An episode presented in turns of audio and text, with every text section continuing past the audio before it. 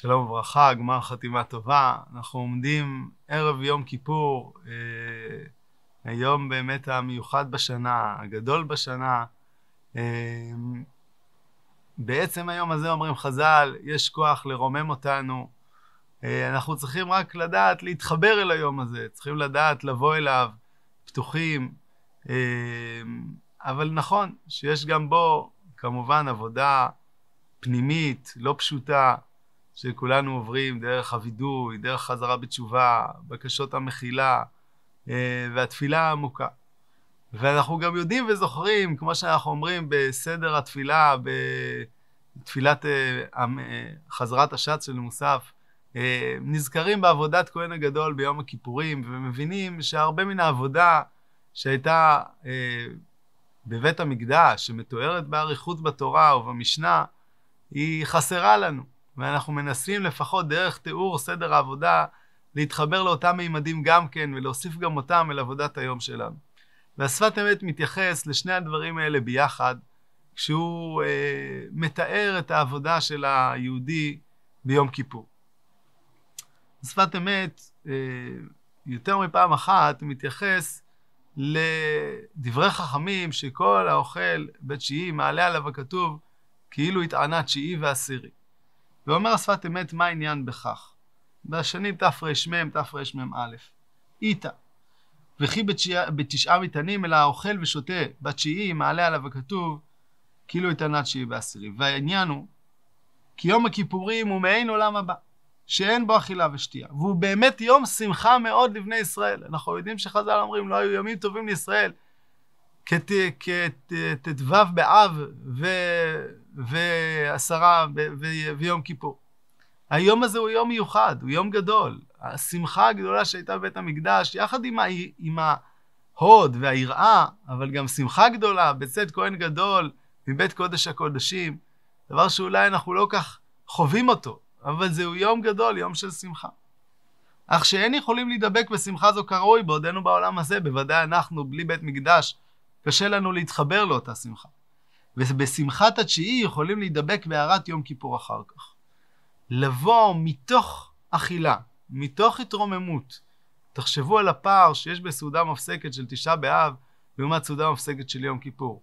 סעודה מפסקת של יום כיפור היא לא סעודה של אבל, היא סעודה של שמחה, היא סעודה של חג, אנחנו בגדים חגיגיים, נכנסים ליום כיפור מתוך הסעודה המשפחתית, הביתית, וזה אמור לפתוח בנו את החיבור ליום כיפור. כי יום כיפור הוא יום שאנחנו באים בשמחה לפני השם, על ההזדמנות שיש לנו להתקרב אליו, לעמוד לפניו, להיטהר מהחטאים שלנו.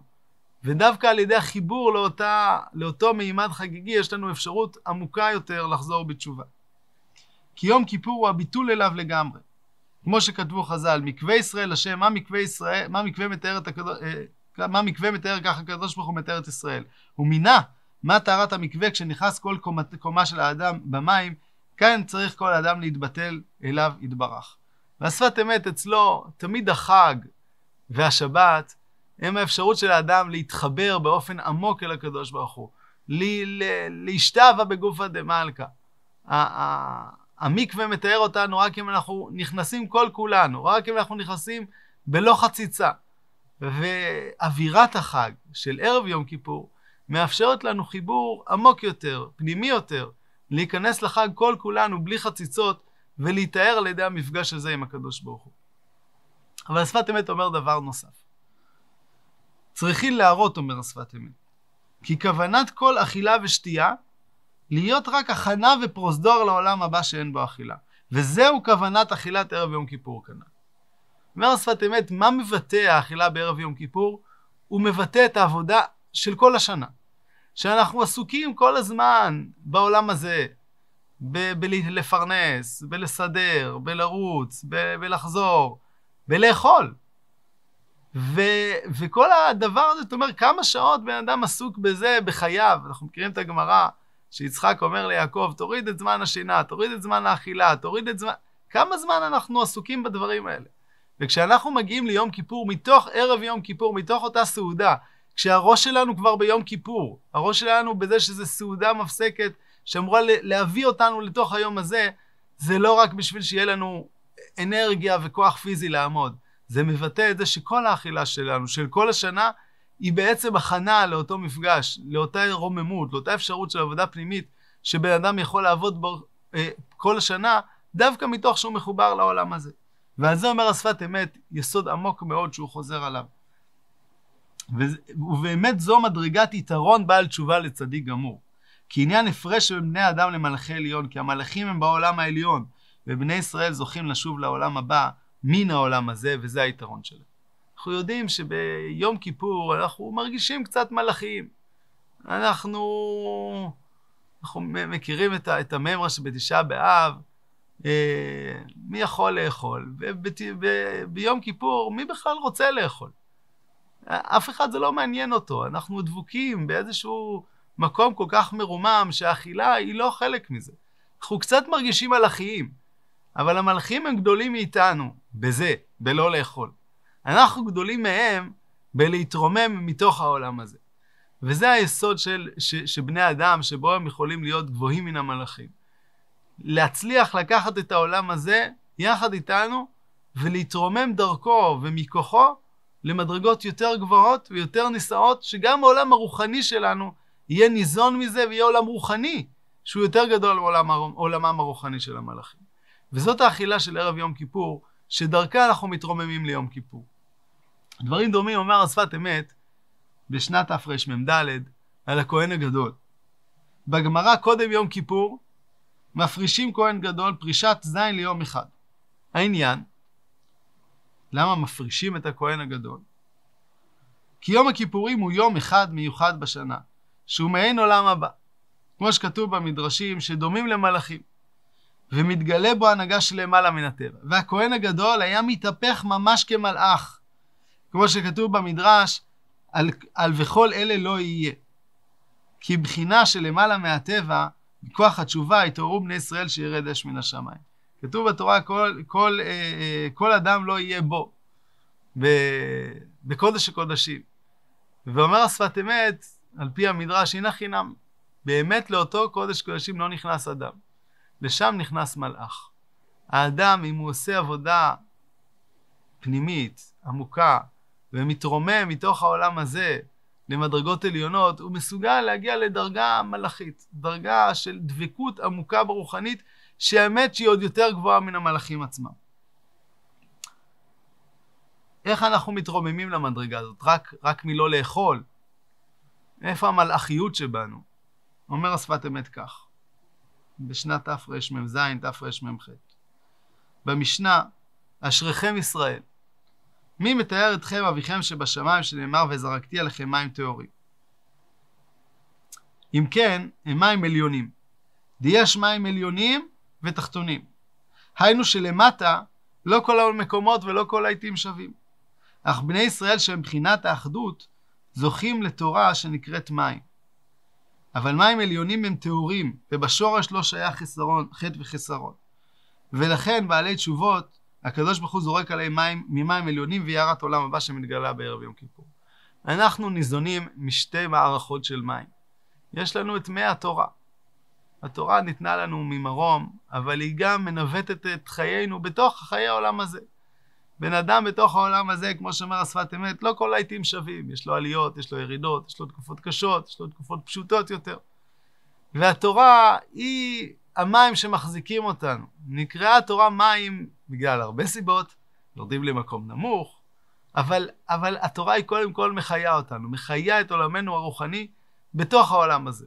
אבל ביום כיפור הקדוש ברוך הוא נותן עלינו מים עליונים. המים עליונים זה החיבור לשורש, החיבור לשורש הראשוני שלנו, הגבוה שלנו, שהוא לא מתוך העולם הזה, שהוא קודם לעולם הזה. והעבודה הכפולה הזאת של הפגשת מים עליונים עם מים תחתונים, היא עבודה ש... של האדם ביום כיפור. זהו יום מיוחד, יום שבו אתה יכול להפגיש את העבודה של כל השנה שעבדת ב... בתוך העולם הזה, מה שמתבטא בערב יום כיפור, עם הפנימיות העליונה שלך, עם חסד מרומים, שהקדוש ברוך הוא מחבר אותך עצמך לאותם מים עליונים שיש בך ביום כיפור. והרעיון הזה מתבטא ב- ב- במקום אחרון ש- שאני, שאני אביא פה, אה, בהקשר הזה, דרך התפילה, דרך הביטוי של הן יעביר זדון למשוגע. אומר השפת אמת, בתרנ"ו, בנוסח התפילה אני אעביר זדון למשוגע שמתפללים שיחשב מזיד כשוגג. זה התפילה שלנו. אנחנו רוצים שהזדון שלנו יהפוך למשוגע, משוגע עם ה' כמובן, מלשון שגגה. ואין מובן הסיום, אומר השפת אמת, כי לכל העם בשגגה. שהרי מבקשים מחילה גם על הזדונות. אז למה אנחנו כבר מניחים של כי לכל העם בשגגה? לפני שנייה אמרנו שיש לנו זדונות, ואנחנו רוצים להפוך אותם לשגגות. אז איך אנחנו כבר קובעים שלכל העם בשגגה? האם באמת הכל היה בשגגה? אומר השפת אמת כן, הכל היה שגגה. אך העניין, כי בבני ישראל, ועמך כולם צדיקים. כי אמנם החטא בישראל במקרה ולא בעצם. שראה כי בני ישראל בעצם צדיקים, והחטא הוא במקרה. ולכן אין מחשבה רעה מצטרף למעשה בישראל, הואיל והחטא במקרה. כשאתה מתחבר לכל העם, בשגגה. האדם הפרטי, יש לו באמת זדונות. כי כשאתה מסתכל במבט פרטי, מתוך העולם שלך, אז באמת יש לפעמים שבן אדם נכשל, ונכשל בכוונה. ולפעמים הוא טועה. אבל כשאתה מסתכל במבט הכללי, מתוך המבט של כל העם, לכל העם בשגגה. כשאתה מתחבר בעבודה שלך ביום כיפור ליסוד הכללי, שם ברור שהחטא הוא מקרה לישראל. ישראל הם ישרים, רחמנים, ביישנים, גומלי חסדים, קשורים אל הקודש, קשורים אל הקדוש ברוך הוא. ואצלם החטא הוא תמיד מקרה, הוא תמיד איזושהי טעות, איזושהי תקלה, תקלה שקרתה בדרך. ואנחנו רק צריכים להתחבר לאותו יסוד כללי, לאותו יסוד לאומי, בתוך העבודה שלנו בערב יום כיפור, ביום כיפור עצמו, ואז אנחנו מבררים לעצמנו שגם הזדונות שלנו בעצם הם, הם לא מי שאנחנו. אני אחר, ואיני אותו האיש שעשה אותם המעשים. אני באמת אחר.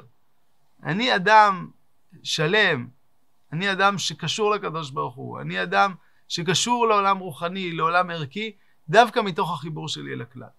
והחיבור הזה אל הכלל הוא המפתח ל- ל- ל- לזכות בדין ביום הכיפור ולהתרומם דרך היום הזה מעלה מעלה. אומר השפת אמת דברים נפלאים על החובה שלנו אה, לכפר על עבירות שבין אדם לחברו. אומר השפת אמת ככה, היית במשנה, עבירות שבין אדם לחברו, אין יום הכיפורים מכפר עד שירצה את חברו. והנה ביום הכיפורים נעשים בני ישראל אחדות אחד, כדאיתא ולא אחד בהם, זה יום הכיפורים. וזה יום מאחד כל הימים, כן מתאחדים בו כל הנפשות. כי באמת הנפשות קרובים, רק על ידי החטאים בא ריחוק ופירוד.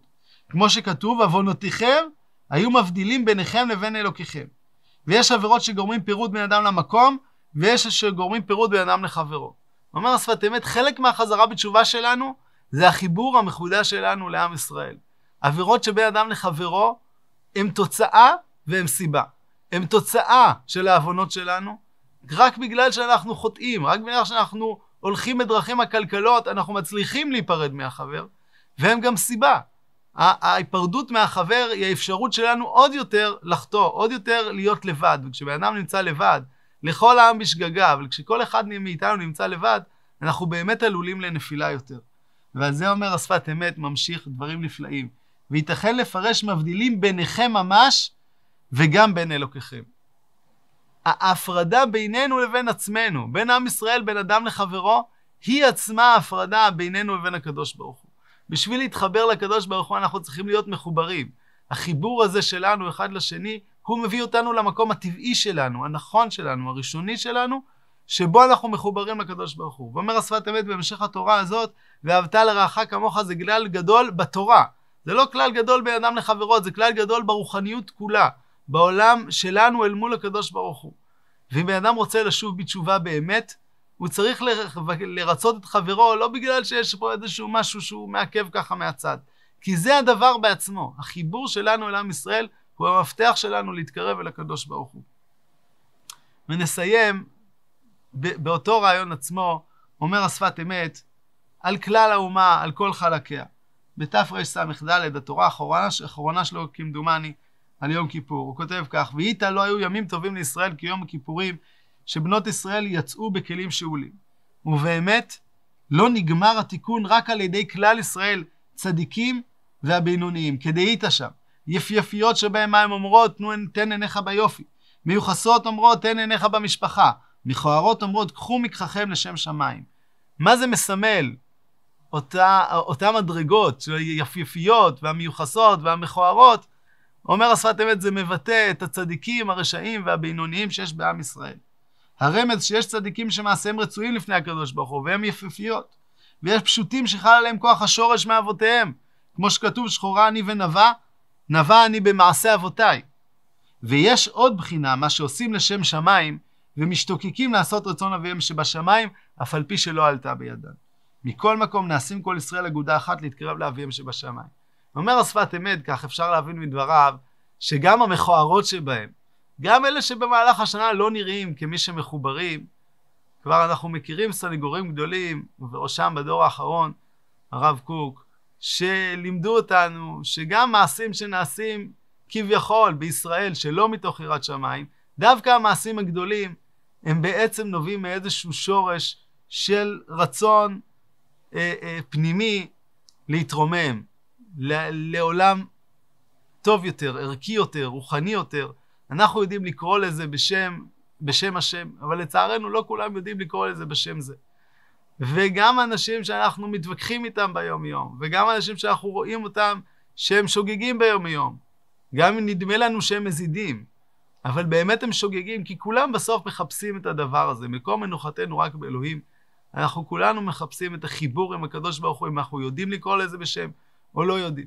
והצדיקים, הבינוניים והרשעים, כולם צריכים להתחבר יחד, כדי שאנחנו באמת נוכל לזעוק ולומר לכל העם בשגגה, והקדוש ברוך הוא יראה אותנו, כולנו, כאחד, על הטוב שבנו, על השורש הפנימי שבנו, ונזכה כולנו לגמר חתימה טובה יחד עם כל עם ישראל.